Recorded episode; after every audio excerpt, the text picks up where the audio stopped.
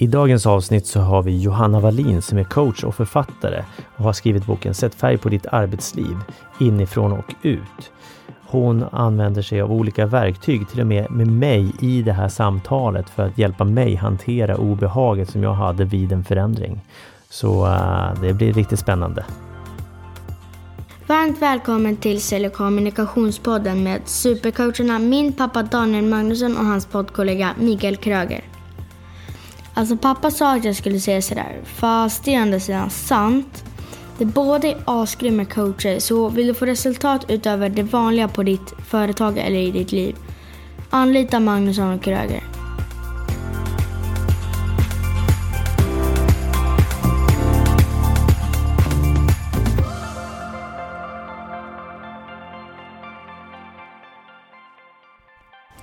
Släpp alla hur, när, var, varför. Alla frågor som vi kanske har kring den här dagen, kring det här poddinslaget. Och uppmärksamma om det är så att det är fjärilar i magen, vilket det då är på mig just nu, så är de också helt okej. Okay. Och sen liksom känna att du vidgar din uppmärksamhet så att du connectar oss två så att vi gör det här liksom tillsammans. Och att eh, vi fyller hela det här rummet som vi sitter i med det här samtalet som vi önskade skulle bli ett eh, givande samtal för oss båda. Nu tror jag att din inledning kommer att gå strålande. Tack Johanna. Du lyssnar på Sälj och kommunikationspodden med Magnusson och Kröger och det är jag som är Daniel Magnusson och jag har då Johanna Wallin i studion som jag satte igång inspelningen, jag tror inte du visste det. Och, du, jag tänkte så här, det här är ju helt perfekt. Du grundade ju mig i någon form där. Att jag varit mer närvarande, fick mig att slappna av. Härligt! Och att det blev ett samarbete också. Ja, för det kände jag inte när jag, jag menar, det hade jag inte för avsikt att göra när jag Nej. började, men det blev ju himla mysigt för det blir roligare då, ja. när vi gör det här ihop. Exakt, och det är det vi gör. Mm. Varmt välkommen Tack. till studion. du eh, Johanna, du, du är eh, coach och författare. Mm. Eh, vad, du har skrivit en bok precis också. Yes. Sätt färg på ditt arbetsliv inifrån och ut en handbok för mer kreativitet och känsla i jobbet. Mm, precis. Härligt. Och det låter ju som att det är många som behöver det, tänker jag spontant. Så om jag förstod det rätt så var det ett stort skifte i dig också från att det här med att vara författare. För det är ganska nytt då, eller vad? Ja, ja visst. Eh, man kan väl säga att jag har önskat att på något sätt kommunicera kring det här temat mm. eh, på ett större sätt än vad jag gör då idag som coach. Och, eh, då var ju det här med att skriva en bok eh, ett sätt mm. att börja göra det. Just det. Den kretsar kring en föreläsning om man säger så. så det, men jag ville att det skulle vara som ett större visitkort ungefär. Mm. För jag har haft lite krux med min hisspitch, mm. den här elevator pitchen, den mellan våning 1 och 5. Mm. Den har inte jag riktigt fått till när man är lite så djup och bred och då menar jag inte rent fysiskt, utan Nej. jag menar liksom, man pratar om, jag pratar både ledarskap, organisation och kulturfrågor. Och sen så gör jag det på temat känslor. Och mm. då är man ju liksom innanför skjortan på folk och det är lite så ja, djupare frågor. Att då säga vad är det du pysslar med och så ska jag radda upp alla de där grejerna, det går ju, hinner jag inte med på fem nu gjorde jag det jättesnabbt precis här så det gick, men det är för mm. att jag helt enkelt har skrivit boken så det mm. går bättre nu. Så när jag, mm. i den allra kortaste versionen så säger jag typ att jag jobbar med att få folk känslomässigt redo att göra de förändringar de behöver och önskar och längtar efter. Och känslomässigt, eh, för det här är liksom verktyg för att hantera obehaget av förändring. Hantera sårbarheter när man ska göra nytt osäkerhet, alla de sakerna som liksom kommer med det här att göra nytt. Just det. Och eh, Många säger att de vill ha en förändring men det är ingen som vill göra den. Mm. Eh, och, i, och, i, vissa fall så tror jag att det är många som inte vill göra någon förändring heller. Eh, så Det här är då olika verktyg för att göra dig redo, känslomässigt redo att göra förändringen. Ja, precis. Du står där och så säger du att uh, ja, men här, det hade varit jättebra om vi gjorde så här. Mm. Och så innebär det kanske att du behöver rucka lite på de uh, invanda mönstren, både för dig själv och kanske också för andra. Mm. Och så drar du iväg där och börjar ordna och pyssla mm. och du liksom tar ledarskap, jättekul att göra mm. förändringen. Och så vänder du dem och så, vad blev ni av, ni andra? Mm. Så vi skulle göra det här ihop eh, ja då kanske de har backat och du står där och känner dig avvisad i ditt eh, ledarskap och, mm. och de säger att du är bara jobbig och kan vi inte göra som vi alltid har gjort och så eh, hitta på massa olika anledningar då. Men jag kan ju säga att en del utav det, hade man haft ett, eh, en kanske större medvetenhet kring känslorna som faktiskt kommer upp i alla. Jag menar jag sitter här mm. och har fjärilar i magen för att jag mm. har aldrig gjort en podd förut. Ja, men det är helt naturligt. Men då kan man liksom säga det. Mm. Ja, jättestressande att vi måste göra nytt. Mm. Och så tog jag ett djupt andetag och mm. så landade jag här. Och då har ju på något sätt fjärilarna lagt sig lite grann, eller de har i alla fall satt sig på någon gren. De kanske mm. börjar flaxa igen liksom, men eh, det är okej. Okay. Just det. Och, och i det här fallet då som ledare eller kanske vara en del av gruppen att faktiskt våga säga det. det mm. då, då är vi inne på sårbarhet. Mm. Eh, det är sånt som har dykt upp de senaste avsnitten när vi har pratat lite om just det, alltså utmaningen att våga visa sig sårbar. Mm.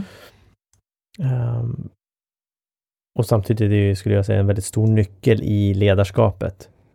Att ja. leda och visa vägen och jag börjar med att visa mig sårbar. Så vad... Om vi bara tittar där, vad, vad har, du, har du några bra tips? Eller liksom, hur, hur kan jag börja träna på att vara mer sårbar som ledare? Mm. Eller människa kanske jag kan säga. Det, jag menar för det första, det här att, att titta på dina föreställningar kopplat till sårbarhet. Ja. För det den här bilden av att det är förknippat med svaghet den vet vi ju liksom. Vi har Brené Brown, The Power of Vulnerability, som mm. är en av mina favorit TED-talks. Och hon, eh, det går inte att tvivla liksom. Vi behöver eh, våga. Och sårbarhet, du är bara sårbar om du gör något där du behöver vara modig. Annars är du, jag menar, jag går till ICA och handlar, då behöver du inte hantera sårbarhet, för det är du van vid, det har du gjort förut. Men mm. det, det, är ju när du liksom stretchar dig ut i i risk och i det här läget är sårbarheten en känslomässig risk. Just det. Och sen jag har, om vi tittar på i boken så har jag ju en bild av riskskalan och där har jag liksom satt från bekväm i centrum till 10 och då är 10 panik. Aha. Och så någonstans där mellan 1 och 5, där är du villig och har de känslomässiga musklerna du behöver liksom för att hantera en utmaning. Så det här, eh, boken är ju mycket ett träningsredskap. Liksom. Mm. Att, eh, på samma sätt som du går och övar upp biceps för att kunna lyfta mer kilo, så mm. övar vi upp eh, känslostyrka, eh, så att du helt enkelt kan vidga eh, din bekvämlighetszon ut och vara sårbar. Och då blir det inte lika rått att vara sårbar. Nej. För det är rått när du liksom är ut där till 6, eh, 7 på skalan. Mm. Då blir du liksom exponerad och då går du över i det här överlevnadsfokuset igen att wow, de är farliga liksom. Mm. Jag kommer bli lämnad, jag kommer inte ja. få vara med i gruppen etc. Medan håller du det där mellan 1 och 5 så, så är det liksom det här, är en ut, det här är en förändring som jag verkligen tror på och jag vill göra. Och ja, vi har aldrig gjort det här förut men det ska bli så kul att få till det. Ja ja, då är det en den medvetenhet om uh, att du tar en risk och du gör det med de musklerna du har liksom mm. där. Mm. Känslomusklerna då, mm. var det jag menade. Ja, känslomusklerna. Exakt. Ja, och i, i sådana tillfällen också eh, våga säga att ja, jag, jag tycker det, det är pirrigt det här också. Läskigt. Men det är Men, väl, alltså då, då visar ju du du på något sätt eh, släpper skölden och så säger ja. du det här. här. Jag är sårbar här i det här. Mm. Och, och då handlar det också lite om att uh, gänget är okej okay med det. Eller mm. så sitter de där och skruvar på sig och tycker det är jättejobbigt att, uh, säg mm. chefen då bestämmer sig för att visa sig sårbar. Mm. Det ska inte en chef göra. Mina bilder av dem är att de ska kunna allt och veta allt och jag ska kunna gå med alla mina frågor till dig och du ska veta. Mm, precis. Och då blir det egentligen en, en, gammal form av ledarskap om det är så att, att det är alltid chefen som ska veta allt och det, man måste alltid kolla etc. Mm. och så vidare. Och det behöver ju vara, det kan vara ganska, ja men jag, jag, tycker det här är spännande, lite nervös också för den här förändringen. Det är ganska mild mm. sårbarhet mm. jämfört med, ah, jag är jätterädd. Mm. Jag tror, helvete ska vi klara det? Oh. Men ja. det är lite sätt, sätt ramarna där igen då, mm. om man nu säger, vad är det för en grupp du, du du outade här sårbarheten ja. i. Är det en grupp där ni har som ett eh, delat åtagande att faktiskt hantera era känslor så att mm. det är mm. någonting som ni liksom, ni kan till och med säga till så här, jag ser att det verkar inte som du mår så bra, ska du ta en paus lite grann? Kom tillbaka, eh, ja, vad det nu är ni gör i ert mm. gäng för att mm. liksom återhämta er känslomässigt om det är så att någon är stressad. Men det kan ju vara någon som har en, en släkting som ja, inte mår bra eller att någon annan överbelastning som inte kommer från jobbet och så, ja, vi är här nu. Vi förstår att du kanske har annan känslolast mm. och eh, ta hand om den och vi ser fram emot att se dig när du liksom är så att vi kan kommunicera om det här, för vi behöver få vara sårbara här också. Liksom. Mm. Jag har ett exempel. Eh,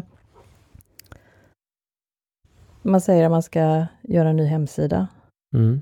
Det är ju ingen svår grej, eh, om det är det som man pysslar med vanligtvis. Men är det så att du har den där belastningen hemifrån, så då har du redan kommit ut på känsloskalan, ut i riskzonen om någon säger sjuk eller du har tagit på dig eh, och passa en hund som du inte är van vid eller alltså, mm. det kan ju vara vad som helst, men att det är en, en belastning av ditt utrymme, känslomässiga utrymme. Och sen så kommer någon och säger, gör något nytt på jobbet. Ja, du kanske mm. var på två, tre, men lägger du på att göra nytt på jobbet dessutom så är du över den där fem och så är du uppe i närmare panik. Mm. Och händer det då ytterligare någonting så är det liksom fritt fall ut i det. Och då blir vi inte så smarta. Det, då är det ju jagade av en sabeltandad tiger-delen mm. av oss som är inne och då är vi kortsiktiga. Det enda vi vill är att bli av med obehaget. Så de här långsiktiga eh, hålla oss till strategierna och så är svårare mm. när vi är längre ut i känsloskalan. Mm. Och det är just att det, det du menar där är att, att det byggs på, det är flera parametrar som mm. kanske gör att jag blir otrevlig för att jag är, fast egentligen kanske handlar om att jag är rädd. Mm. Eh, men, men det, är ett, det är någon annan effekt som kommer ut. En öppenhet tänker jag också och, mm. och en, en kärleksfull relation till varandra. Att man, man, man värnar om varandra och mm. skapar den här tryggheten. Och det är det, är det som behövs byggas och det är mm. oftast det som fallerar känns det som på många företag. Att det, man är rädd. Man går runt och är rädd för baktaleri eller att någon annan ska vara missnöjd eller inte säger det de tycker mm. och så vidare.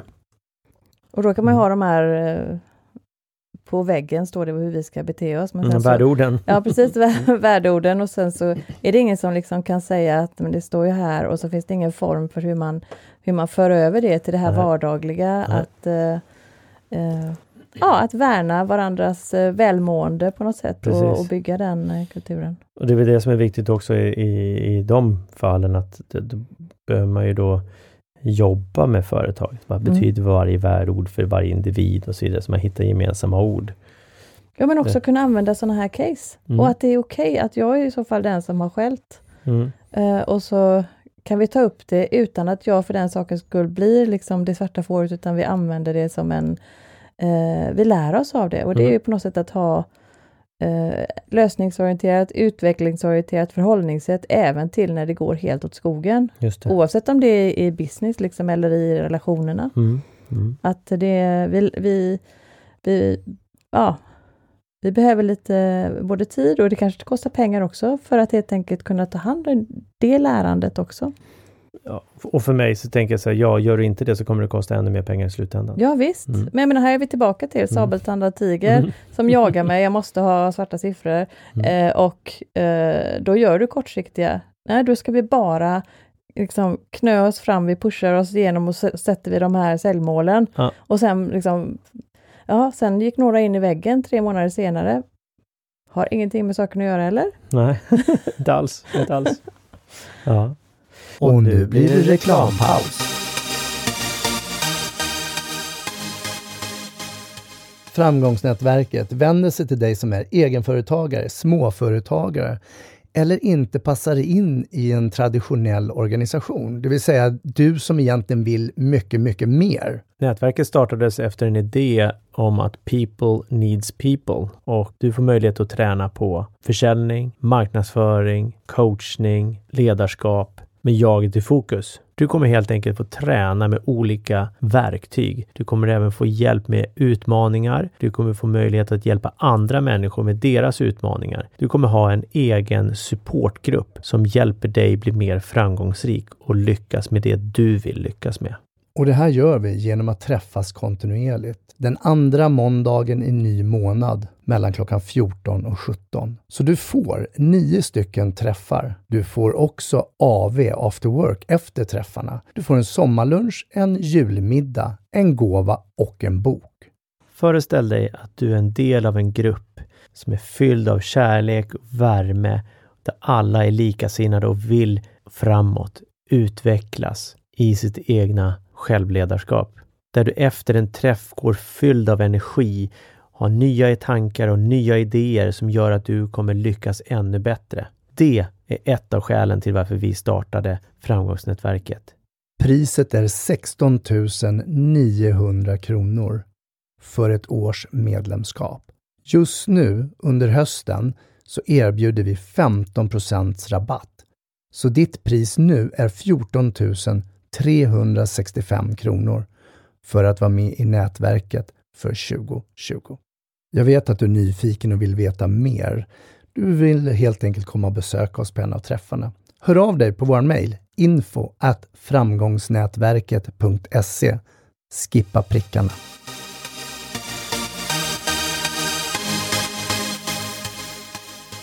Johanna, vad, vad är din bakgrund? Vad, vad kommer du ifrån? Och då behöver det inte vara eh, ortmässigt, utan liksom, vad har du gjort och hur har du hamnat där du är idag? Jag började som ingenjör och jag kan väl säga att det skavde ganska så rejält, eh, mm. eh, ganska fort. Så jag var ingenjör i kanske tre år Anledningen till att jag sackar lite nu, det är för att liksom kolla hur ska jag, hur ska jag beskriva detta? Mm. För det, är, det, är liksom, det är sårbart, för jag var helt enkelt inte så lämplig. att eh, Jag var en kanariefågel i en gruva, ungefär mm. så. Kanariefåglar sjunger inte så bra där, de mm. dör. Mm. och det, det, är poängen med dem i gruvor, för att de mm. dör före gruvarbetarna. Jag var tyvärr gruvarbetare, eller jag var inte gruvarbetare, jag var kanariefågeln i det läget. Så um, eh, lite stela strukturer kanske. Detta är ju då sent 80-tal, vi pratar, jag är ingenjör, i början på 90-talet. Eh, och eh, det märktes ganska fort på min fysikalitet, så jag har använt eh, att jag har en ganska känslig kropp, ofta. Så det som hände då, det var att jag helt enkelt flippade åt andra hållet, så jag blev istället, eh, jag kom in på konstbanan, så mm gick utbildningen där, det och sen så var jag hemma hos eh, konstnärer och var lärling och så. För det var ju helt nytt, jag hade ju ingen koll på alls vad det innebar det. att vara konstnär. Och du har väl ett eget galleri också? Ja, visst. Där, där du bor? I He Hedekas? Eller? Hedekas. Ja. Det är min, eh, I dagsläget är det min plats för utforskande av eh, businesskultur och samhällsfrågor. Mm -hmm. Jag har varit lite mer turistiskt inriktad men medan barnen var små. Men nu så känner jag att eh, för att det ska bli riktigt roligt för mig så spenderar jag ungefär sex veckor på sommaren med ett tema. Och I år var temat från boken eh, 30 känslor på 30 dagar. Eh, så då körde jag veckodagarna då, måndag till fredag, sex veckor. För att helt enkelt bygga empatin med mig själv. Det roliga var att jag misslyckades. Jag höll inte i 30 dagar för att det var ju samtidigt som jag hade boksläpp och en massa mm. andra saker, mm. eller inte boksläpp, bokinlämning, mm. deadline på den och jag blev förkyld och hej och Så det, det mest empatiska som jag kunde göra, det var att helt enkelt säga, jag gör inte mina 30 dagar, jag avslutar här på dag, och det nu var 26 eller mm. någonting. Mm. För att, eh, ja, det, när, jag, när jag väl gav mig tid där den där dagen och, och liksom pausa och inse att nej, jag är inte alls så kry som jag trodde att jag var, så var det mest empatiska att säga hej och tack. Eh, jag avslutade det här mm. uppmaningen i förtid, för jag har landat i empati. Okej, okay, så du hamnade på konstskola och mm. ute hos konstnär och lärling. Vad hände sen då? Sen så in på media och kommunikationsvetenskap, eh, började läsa. Eh, och parallellt med det så har jag också läst då, eh, symbolpedagogik och en massa andra saker som liksom har haft, handlat om det där som vi kommunicerar på olika sätt. Jag menar man kan säga att vi kommunicerar genom de byggnaderna vi bygger och de samhällen vi bygger och prylarna och bilder och ja, det vi säger också. Mm. Så jag hade den inriktningen, arkitektur, konst och design på mina media och kommunikationsstudier. Hur hamnar du in på coachspåret och författarspåret? Ja, det är egentligen tillbaka till den där känsliga kroppen. För eh, ja, jag reagerar ganska fort när saker och ting inte stämmer. Och är det så att jag inte då lyssnar och hör eh, vad jag tänker och känner, så sätter det sig ganska fort eh, som symptom i min kropp. Så då var jag lite så här, jag måste nog hitta en, ett sätt att komma på vad det är som jag tänker och känner innan jag behöver liksom få ont. Mer sådana här diffusa saker, huvudvärk, ischias, mm. Eh, ryggont, eh, ja, sådana saker. Så, och, och, du nämner ju ordet skaver eh, när du var då ingenjör, att, mm. att det skaver, att det är någonting som inte riktigt helt som det ska vara, helt rätt mm. så att säga. Och det här är då exempelvis symptom på när det skaver då? Yes. Jag var 22 år och fick eh, alltså låsningar i axlarna.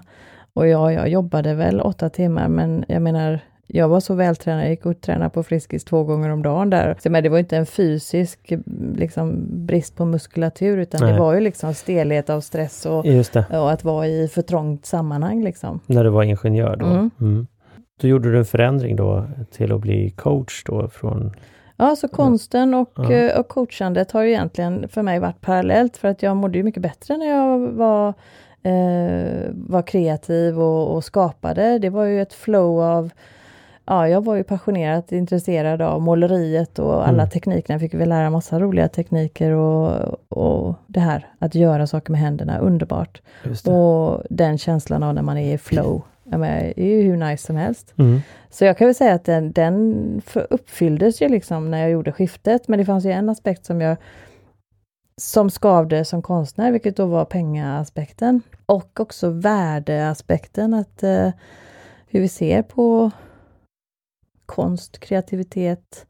Det har väl blivit bättre, men eh, det är fortfarande så lite. Det är något som man gör, man går på en keramikkurs på lördag förmiddag kanske.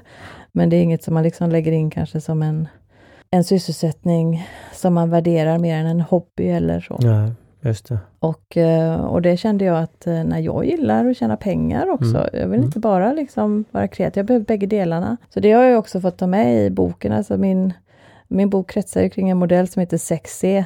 Och det första C där är currency. Mm. Och då har jag currency som passion, alltså den här kreativa, kreativa float som vi kan vara i. Men det är också power, liksom bidra till andra och känna att jag, jag har eh, energi och också då makten, om man nu säger så, mm. att, att på något mm. sätt bidra till, eh, ja, till andra. Och mm. sen currency i, i bemärkelsen prosperity, eller då mer rakt på sak på svenska, pengar. Så jag behöver liksom, jag behöver lägga in alla de aspekterna för att känna att jag har um, rätt färg på arbetslivet så kan det inte vara tomt på kontot och jag är jättekreativ, det funkar inte för mig. Och det kan inte vara så att jag tjänar jättemycket pengar och sen så är jag inte kreativ. För jag tappar i energi mm. oavsett liksom, om det är något av dem som saknas. Att, att värdesätta sitt egna skapande, i det här fallet då till exempel konst i form av, det kan både vara i, i böcker eller det kan vara en annan sorts konst som tavlor, ja, du, drejeri eller något liknande. Mm. Att, att värdesätta det är nog väldigt svårt för många. Och även värdesätta sin egen kunskap när jag ska sälja coachning till exempel, eller utbildningar. Eller mm. Där jag inte säljer en pro ren produkt, mm. blir det också väldigt svårt. Och jag, har coachat en, en um, konstnärinna, säger man? Mm. Mm. Konstnär. Ja, konstnär. Ja. En, en kvinna i alla fall. Uh, och, och där, där märkte jag ju också att det var väldigt svårt just med vad, vad ska jag ta betalt för mina tavlor? Eh, mm. och, och, våga höja priset. Så man tillsammans då räkna hur mycket lägger du tid mm. men också material. Yes. och då var så här, ja då är det inte så konstigt, det är väl helt okej okay, men jag kanske ska ta två, tre, fyra, fem tusen för den här mm. tavlan eller mer. Mm. Även om du inte är känd så läggs du ner väldigt mycket tid. Jag hade det faktiskt som ett utav uh, sommarprojekten mm. i, uh, i galleriet. Så när de besökarna kom så fick de helt enkelt sätta pris själva. Mm. Ett år hade jag så att jag hade tre, uh, tre olika prisnivåer. Mm. Så typ 1000, 2, 5, 5 eller mm. ja, någonting. Mm. Det kunde vara egentligen, jag kommer inte ihåg, det var berodde på vilken sorts pryl det var, men alltså mm. skalan var och sen så fick de lov att köpa om det var så att de motiverade sin prissättning. Mm, just det. Så, så om de satte ett lägre pris så fick de motivera varför de skulle köpa ja, lägre? Ja, men jag menar det, det var ja. jättespännande för jag ja. menar, har jag inte mer ekonomi, alltså säg att jag är sjukpensionär, hade varit skitkul att ha det här originalet från den här konstnären som jag gillar. Jag kan lägga 500 spänn.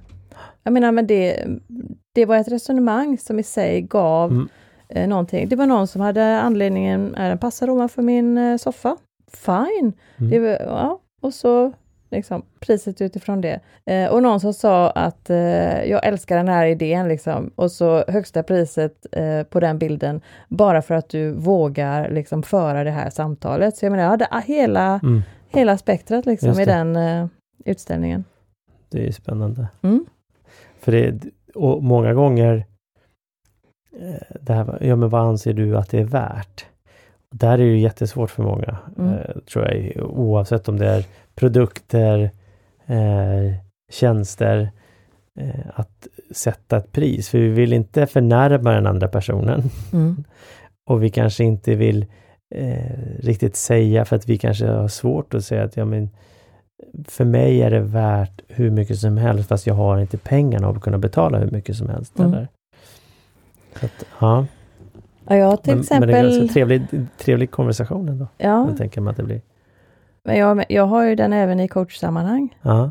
Eh, ibland är det ju folk som är privatpersoner som mm. vill eh, coachas utav mig och då, ja, då kan vi ha ett samtal om det, för det mm. är ju liksom skattade pengar. Det är ju helt annan liksom, dynamik i det. Mm. mm. Eh, men jag behöver ofta ha samtalet utifrån att egentligen är det inte mig du värderar.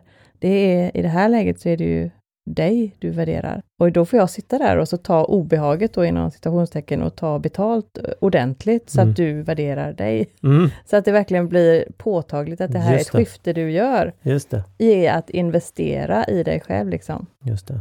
Det där var jätteintressant. Hur lägger du upp det samtalet då?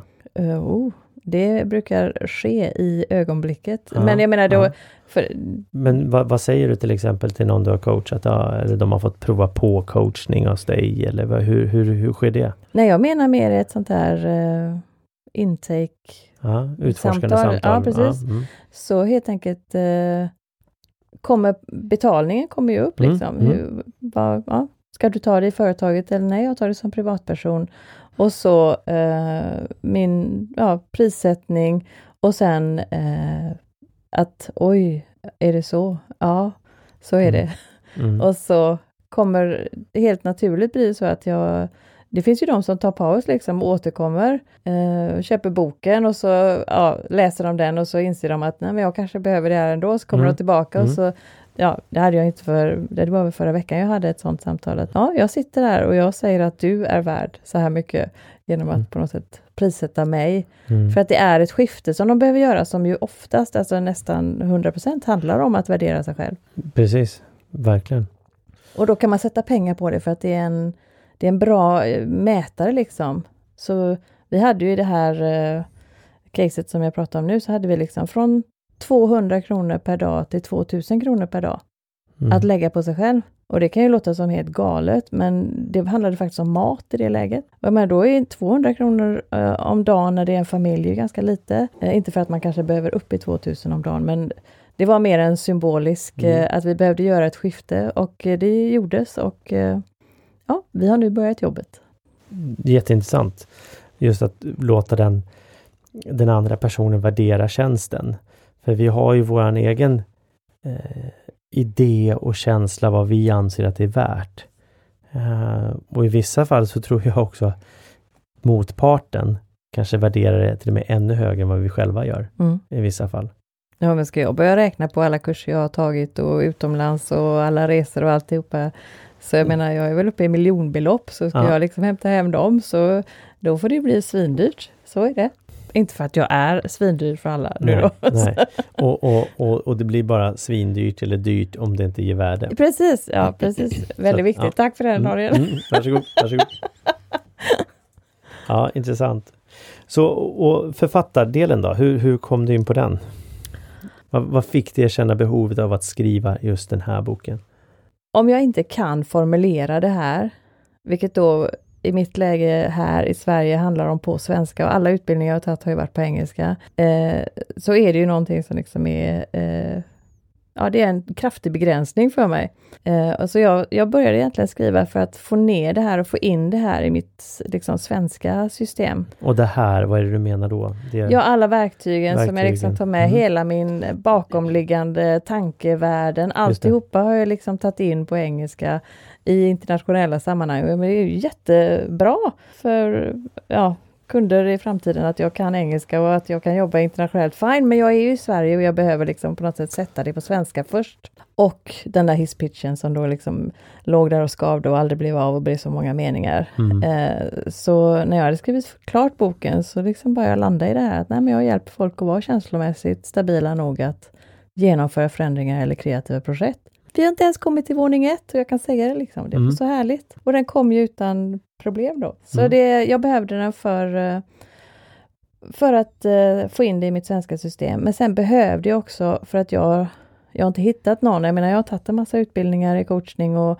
facilitering och ledarskap och, och, och då pratar vi över 20 års tid liksom i mm. det här.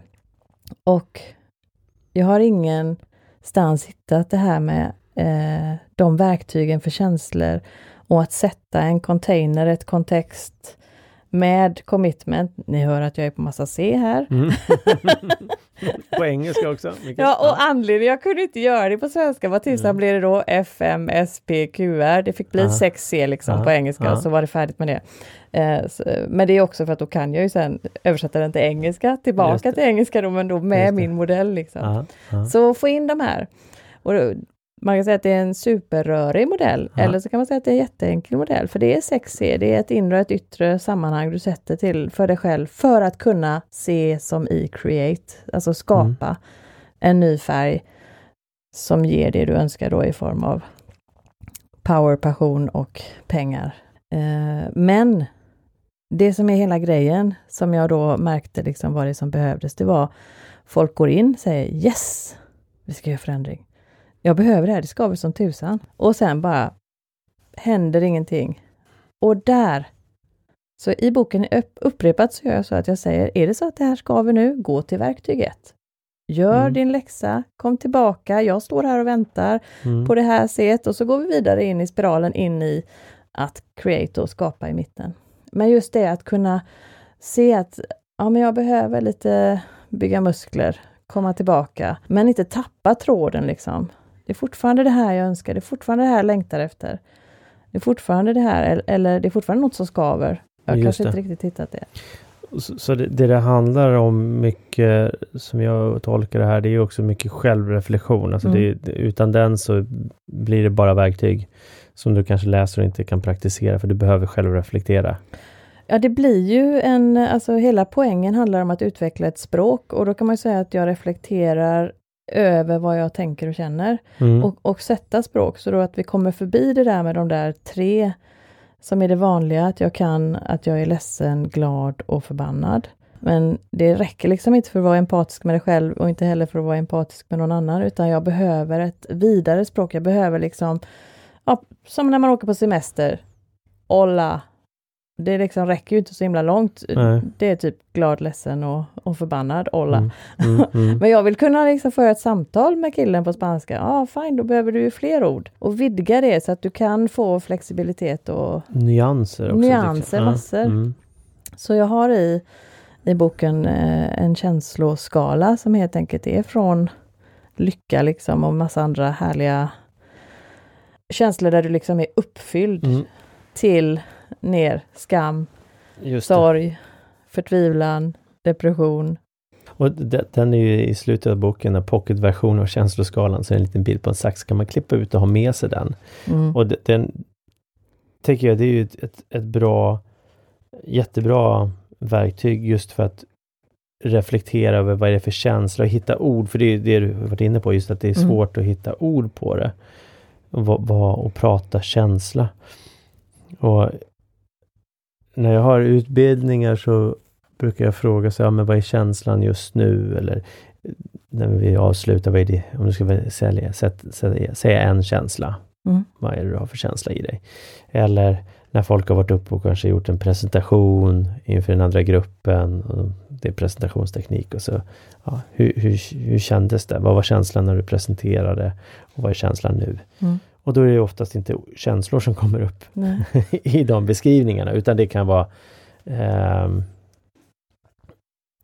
Well, it felt eh, like it went very quick, säger de kanske. Mm. Så, vad, vad, ja, jag vet inte om det är en känsla egentligen. Man börjar prata ord, ord i form av känsla fast man landar egentligen kanske mer i tankar Ja. eh, och reaktioner och inte så mycket känslan. Men den, eh, för det här med reflektion, om man nu säger att när jag tänker reflektion så är jag ju ganska mycket uppe i huvudet. Alltså Mm. jag, att sätta ord på, jag behöver ju använda mig gärna, det är Ja, inte det att vi nej. inte ska ha med det, men, men på något sätt så att koppla på resten av kroppen. Mm. Eh, så eh, jag delar upp eh, i det ena verktyget, här verktyg två, så, så är det väldigt mycket det där, okej, jag uppmärksammar att jag känner, Mhm. Och då kanske han inte svarar, eller vad det nu var det där exemplet, så säger han inte en känsla. Men jag vet att det handlar om att det gick så fort. Mm. Okej, då kan vi backa. Det där var vad det handlade om. Mm. Men vad är känslan? Ja, Jag känner mig lätt förvirrad nu, jag har ingen aning om vad jag har sagt. Okej, förvirrad är känslan. Mm. Så jag känner mig förvirrad över att det gick så fort. Eller kanske till och med lite chockad. Han är längre ner på känsloskalan. Wow, det här är mycket att hantera Mm. liksom. Sätt dig ner en stund och ta några djupa andetag så se- ser vi om du kommer tillbaka liksom och kommer upp så att du blir lättad, att det är över Ja. kanske eller någonting. Just Eh, det. Ja, det var ju några som sa, ja nu äntligen är det över. Och stressad och sådana saker. Mm. Och, och, så där, där behöver ju jag i det fallet, okej jätteintressant. Och vad är känslan? Mm. Ja, bla. Ja, det kändes som att eh, det gick inte så bra som jag ville. så, Mm. okej, ja, och vad är känslan? Och tillbaka och till slut så kommer det, ja, ja jag är stressad. Ja, Mm. Bra, tack. Och jag, behöver- vi grottar inte mer i det, utan Nej. det är bara att de ska få känna in det. Mm. Eh, Men den är också ganska bra för stressad är ju ett ganska liksom vanligt eller nästan liksom politiskt korrekt att Ja. säga att jag är lite stressad. Mm. Men om du skulle istället säga på samma känsloskalenivå där, så i, i den skalan så finns till exempel överväldigad. ja. Okej, då kan vi ju säga att det är en koppling till din arbetsbelastning direkt. Liksom. Finns det någonting vi kan göra att plocka bort så att du inte är överbelastad? För jag menar, du kan Mm. vara stressad över att du inte ska hinna med bussen eller Mm. Ja, ja, stressad över precis. whatever. Det, Ja, det, det. ja, Ja, eh, så att man hittar mer, eh, man, man får fram det som man verkligen behöver för att kunna göra skillnad. just det. Och gå, ner, gå lite mer på djupet i, i Mm. vissa fall då. Just att hitta orden på känslorna är ofta svåra och då är den där jättebra, just Mm. den där lilla känsloskalan som du hade där. En annan grej kopplat till just det här med reflektion, för jag är lite sådär cerebral, eller vad kallar man det? Alltså jag är gärna uppe i huvudet och Mm. fnular där uppe liksom, med att hitta lösningar så. Eh, Är det ingenjören som går igång då eller? min Ja. man säger att det är mannen i mig som gör det. Ja, okej. Ja. Precis, så kan det också För han vill gärna bara prata om känslor. Ja. Nej, Stefan, du vet att jag älskar dig. Eh, vad var jag var på? Jo, det var det där med att eh, vara uppe i huvudet Ja. och reflektera. Jag har väldigt medvetet plockat med compassion som ett av scenerna. För att när jag reflekterar, då ser jag allt som är fel. Då ser jag ju ännu tydligare vad tusan det är som skaver. Mm. Eller att jag absolut inte är på den platsen där jag vill vara. Och för mig har ju det reflekterandet ofta lett mig rätt över i kritik. Ofta självkritik. Eh, men också fingerpekande och liksom dömande över hur dåligt eh, saker och ting är och kanske andra inblandade. Och här har jag ju verkligen behövt liksom lägga på det här medkänsla med mig själv så att jag kan balansera den klarsyntheten. Så för mig har det varit eh, väldigt viktigt. Ja, jag är klarsynt, men tusan haka, jag behöver bli mer medkännande och verkligen kunna vara okej okay med så här ser det ut just nu. Det är liksom begränsningarna som är, mm. utan att hemfalla åt att liksom krascha ner i sorg och bedrövelse eller det här liksom ilska och hela paketet. Så antingen um, utan medkänslan så hamnar jag lätt i antingen offer, fördömande eller den här som vill liksom rädda hela situationen. Och så då är vi tillbaka i överlevnadsrädslebaserat och kortsiktigt mm. och ohållbart. Så jag menar, medkänslan är en, en viktig pusselbit, mm. har varit för mig, därav mig modellen. Och, att inte gå, hamna i dömande egentligen, som är väldigt lätt då. Mm mot sig själv. Eller andra för den delen också, men i det här fallet mer för sig själv då. Mm. Eller om sig själv kanske. Jag har med den här dramatriangeln där dömandet är på toppen och så har vi offerrollen och så den som vill liksom rädda situationen. Vad kallar du den? Dramatriangeln. Dramatriangeln, ja. Ja, just nu kommer jag inte ihåg vad den är, men det står i boken. Ja, ja, köp boken. ja. Så, så, och, och, hur funkar den triangeln då? Vad, vad, att... eh, för min del så har det handlat om att eh, det här fördömandet har faktiskt varit mm. en poäng. Mm. För att i, i det så, så blir det liksom lite, nu kommer jag svära, helvetes jävlar. Och så kan jag använda den energin för att liksom ta mig ut och titta med snälla ögon på mig själv och situationen. Mm. Så den energin av fördömandets, alltså toppen på dramatriangeln där, har gjort att jag har kunnat knäcka det överlevnadsfokuset. Just så att du bryter mönstret? Jag bryter den mm. cirklandet i, jag menar, ingenting är som det ska. Ja, jag är ett offer för omständigheterna. Nej, men det är inte så himla farligt, försöker rädda mig själv. Nej, men så här kan jag inte hålla på och så upp mm. och fördöma igen och så kan jag hålla på och cirkla där i dramatriangelns alla mm. hörn. Och kommer jag till det här liksom, nu får det vara nog, så kan jag liksom sparka mig ur det mm. och ta mig in i då vad jag skulle säga verktyg ett. Okej, okay, mm. jag pausar, jag tittar med snällare ögon på situationen. Den är inte okej. Okay.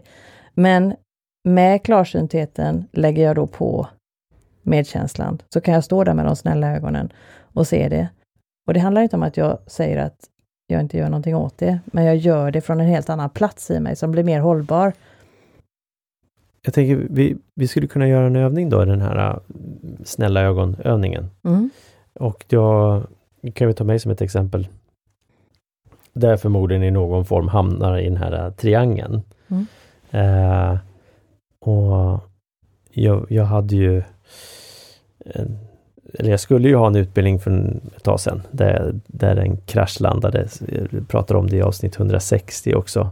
Just där en, av, eh, en pilotutbildning som blir avbruten. Där jag inte har kontrollen längre, kan man väl säga. Så om vi ser på det kontexten mm. så alla där visste att det var en pilotutbildning, så att det var på något sätt ett test? Ja.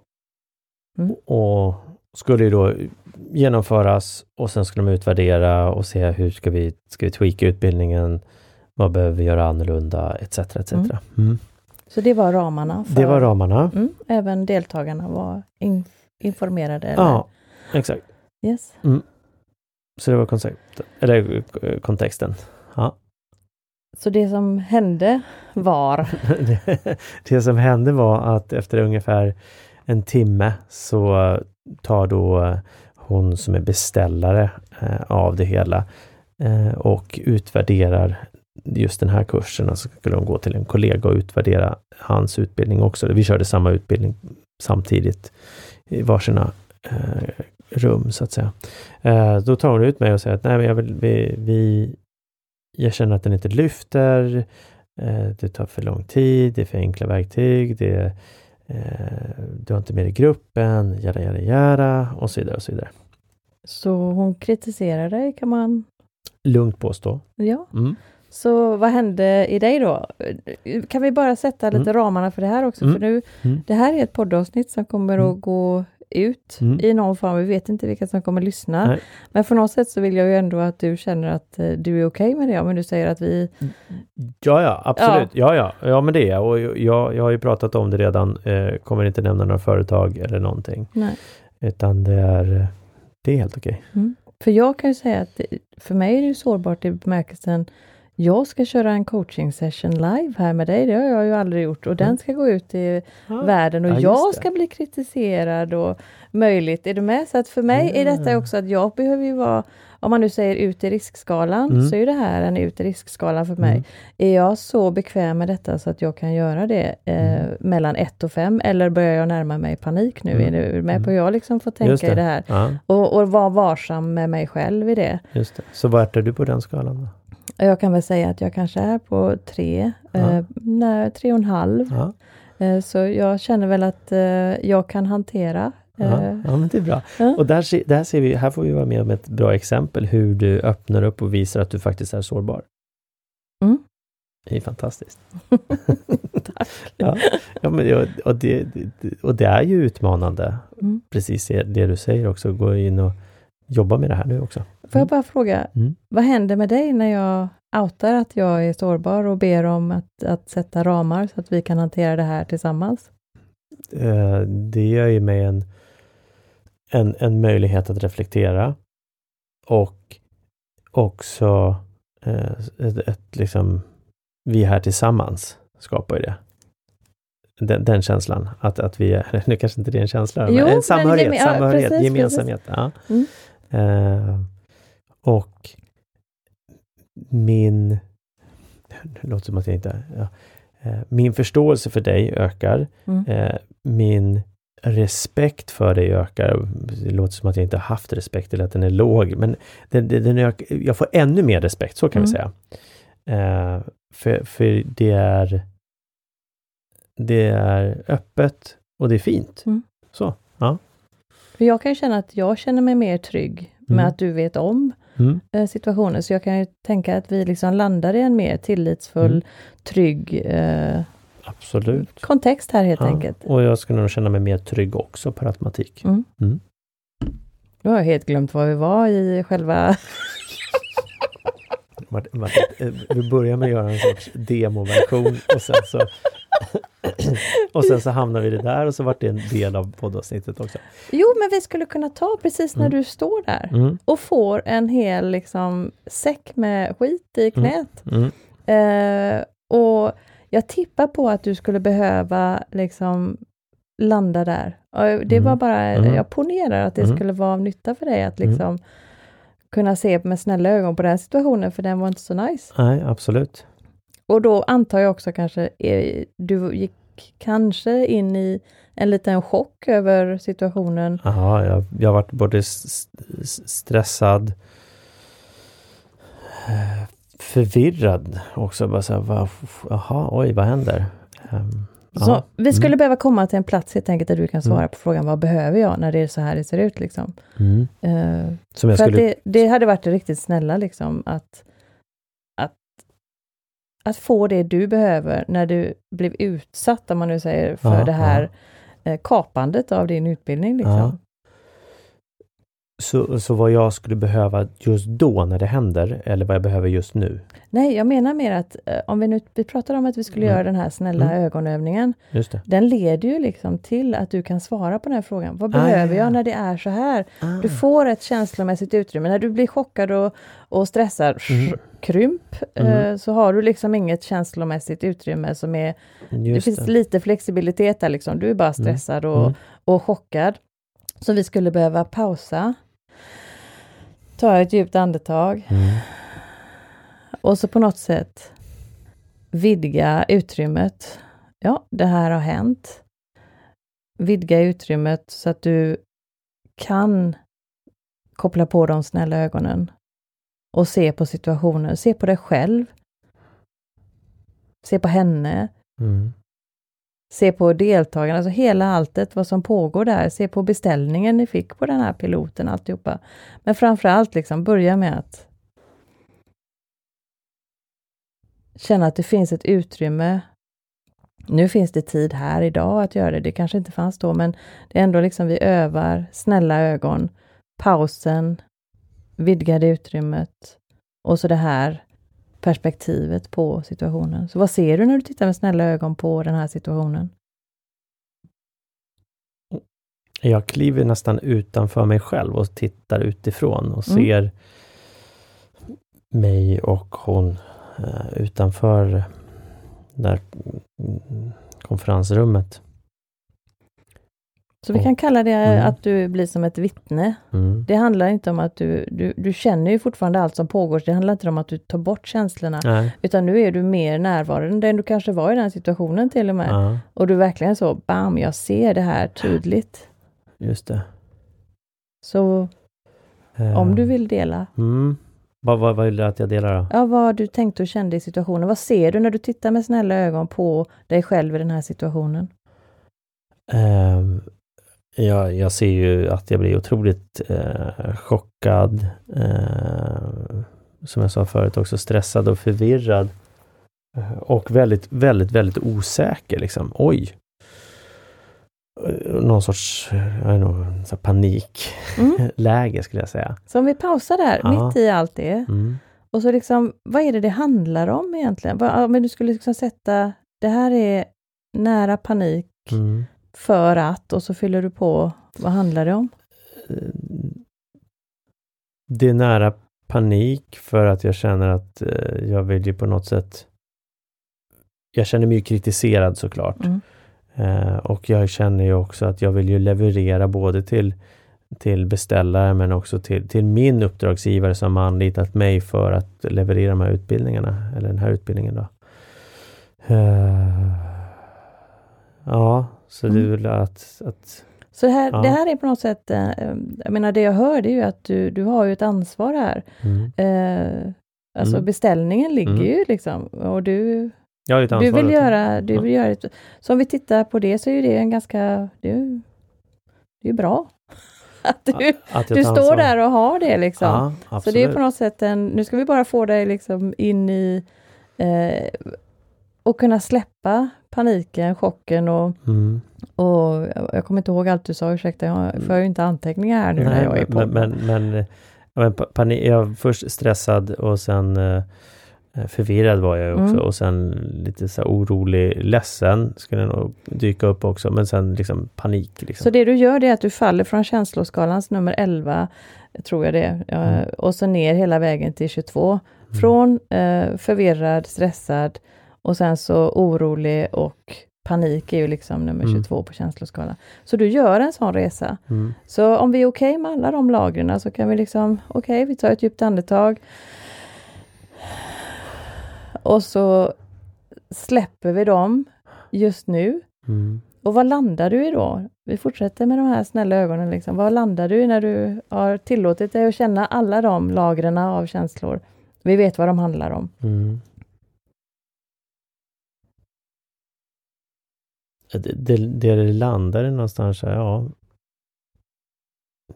Um. om jag nu tittar tillbaka om jag skulle vara med om en liknande situation. Jag säger, ja men det, så här är det. Eh, vad kan jag göra åt situationen? Det, det är det som dyker upp i huvudet. Ja, för det, man kan säga så här, så här är det. Då kan man ju säga, jaha, är han likgiltig? Men det är inte ja. det jag hör när du säger det, utan så här är situationen. Det är någon slags mm. klarsynthet. Mm. Ja, men så, så, här är, så här, det är som det är, annars hade det varit annorlunda, lite ja, åt det ja. hållet. Uh, Okej, okay. och vad, vad gör vi nu eller vad mm. gör jag nu? Men det viktiga ja. på något sätt för mig, jag menar, titta på det ur mm. emotional fitness eh, med glasögon på för den mm. Aspekten av det här, så har du tagit dig upp till de översta känslolagren. Du har gjort en sån flipp liksom, mm. från 22 till de högre 1, 2, 3 här. Mm. För du är accepterande, så här är det. Mm.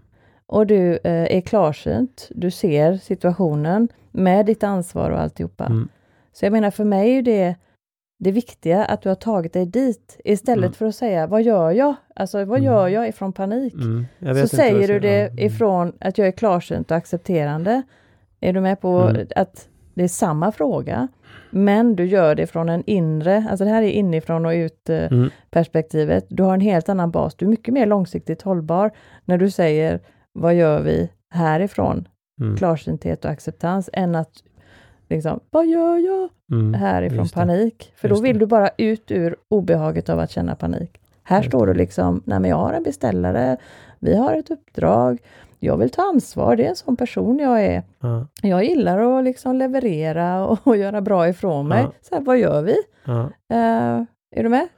Det är ett ja, jättekul exempel, tycker jag. ja och, och exakt, och just att i den situationen kunna hantera, jag tyckte jag hanterade så bra jag kunde göra just då i alla fall. Mm. Ehm, och är du nyfiken på vad som hände så kan du lyssna på avsnitt 160. Ehm, om du inte har gjort det redan. Och ja, den är intressant. Den, Mm. den eh, reflektionen. Och jag, ja, jag tänker så här nästa gång att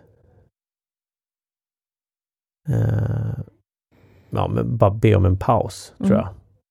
Jättebra, det är ju det vackraste du kan göra Mm. för dig själv. det. Jag Mm. behöver ta en paus och komma tillbaka till Mm. det här. Okej, så vad gör vi från klarsynt och accepterande Mm. istället för panik? Mm. För just nu befinner jag mig i panik. Liksom. Mm. Lite fräckt här så skulle Mm. jag, i den här 30 tjänster 30 dagar som jag gjorde i sommar, så Mm. hade jag ju panik. Mm. För jag hade ju en deadline då för min bok, Mm. så jag fick ju panik. Just det. Och då tog jag det här, jag menar Greta Thunberg säger ju, jag vill att ni ska få panik. Mm. Fast jag tror egentligen inte att hon vill att vi ska få panik, för det är ju Mm. egentligen där vi är. Vi är kortsiktiga, ohållbara Mm. och har varit i många hundra år nu, Mm. eller ett par hundra år i alla fall. Så nu behöver vi kunna hantera paniken i så fall. Det är det som eh, liksom är hela Mm, grejen. Om vi kan hantera paniken och komma så som du gjorde nu till, okej, det är skit på mycket, men vi har Mm. gjort jättemycket bra för vi har ju massor utav resurser och vi vill vara de här människorna på den här planeten liksom. Mm. Fine, vad gör vi? Mm. Inte, ah, vad gör vi? Nej, jag springer runt som yra höns Mm. eller någonting. Ja. Vil- Vilket är panikstadiet då. Mm. Mm. Intressant. Tack för den. Ja, varsågod, det var Ja. jätteroligt. Ja. Hur känns det nu för dig då? jag, kände, jag kände så att den skulle komma. Hur känns det för dig nu då? Du som var- du, Lättad ja. över att jag eh, eh, att det kändes som att det var både roligt att jag lyckades ha eh, lyssnat på just det poddavsnittet av alla Mm. 160 Mm.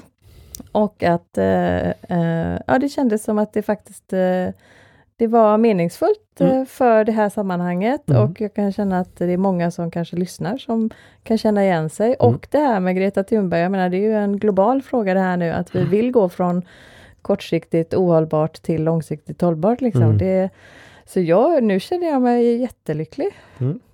Så Från lätt- lättad till lycklig, det är Ja. alltså upp på skalan bara så ni vet. Ja, det är bra. det är jättebra. Ja, tack. Och det är bra exempel och jag tänker att, att eh, det går att sätta den här situationen som jag hade som ett exempel i, med, med andra situationer också Mm. där de här samma känslorna, vi kanske blir utsatta för någonting och ifrågasatta eller liknande. Mm. Och då dyker de här upp. Ehm, ja, vad bra. Tack. Jag behövde det där. Mm. Eh, så Ett det var härligt. att få bidra. Ja, Men det är lite det, jag menar det här känslan av att det här är någonting som många behöver och att, eh, att vi är rädda att kunna, kunna tillåta oss att känna det så att vi kan Mm. släppa det och ta oss till en plats som är mer känslomässigt eh, Mm. rustad att hantera de komplexa och stora frågor som vi har framför oss som Mm. mänsklighet. Liksom. Det är på något sätt min, eh, min mission, så jag är jättetacksam att jag fick komma och ja, vara här Mm. och göra detta. Ja, det har varit jättehärligt att ha haft dig här och om man, om man vill beställa boken, om man är så lyssnar bara, ah, men jag vill beställa boken, det här är jätteintressant, eh, köpa den, och, eller jag vill komma i kontakt med dig, hur, hur kommer man i kontakt med dig? eh, man kommer i kontakt med mig eh, via newparadigmcoaching.se. Mm. Så new, Paradigm, Paradigm coaching. coaching. Paradigm alltså. ja, så på engelska då, Mm. ny paradigm coaching. Eller Mm. om man är i Bohuslän under sommaren så kan man komma till Galleri Håfors. Så Mm. det är www.gallerihofors, Hafors blir det ju då, Mm. .se. Mm. Och boken finns på alla möjliga ställen och mm. de får naturligtvis, ni får, du får jättegärna beställa den signerad om du vill direkt från mig eller mm. så finns den på alla Adlibris och de här. Mm. Så sätt färg på ditt arbetsliv inifrån och ut. Som då är en handbok för mer kreativitet och känsla i jobbet. Fantastiskt. Tack snälla Johanna för att du var här. Och tack för coachningen. Tack så hemskt mycket för att jag fick komma. Jätteroligt. Ja. Och eh, tack för att du har lyssnat och eh, ta på dig, eh, eller snälla glasögon, snälla ögon brukar du säga. Så byt ut dina ögon och ha snälla ögon mot dig själv och din omgivning. Så blir det mer kärlek i världen. Tack för att du har lyssnat på det här avsnittet. Och både Daniel och jag uppskattar enormt mycket att få feedback och recensioner. Så Daniel, hur gör jag för att skriva en recension? Du går in på iTunes och sen sätter exempelvis då fem stjärnor och sen skriver du även en kommentar om vad du tyckte var bra med just den här podden. Och svårare än så är det inte. Och om våra lyssnare vill följa oss då på olika sociala medier, vart hittar de oss? De hittar oss exempelvis dig, hittar mig på coach Kroger på Instagram. Mig hittar den på coach Magnusson på Instagram och sen har vi även då Magnusson Kroger som är då för själva podden. Och nu sitter ju våra lyssnare och så tänker åh, den där personen skulle jag vilja att ni har som gäst. Eller att ni tar upp det här ämnet. Vart hör de av sig? De skickar ett mejl till info magnussonkroger.se. Och så pass enkelt är det. Jajamän. Tack så jättemycket.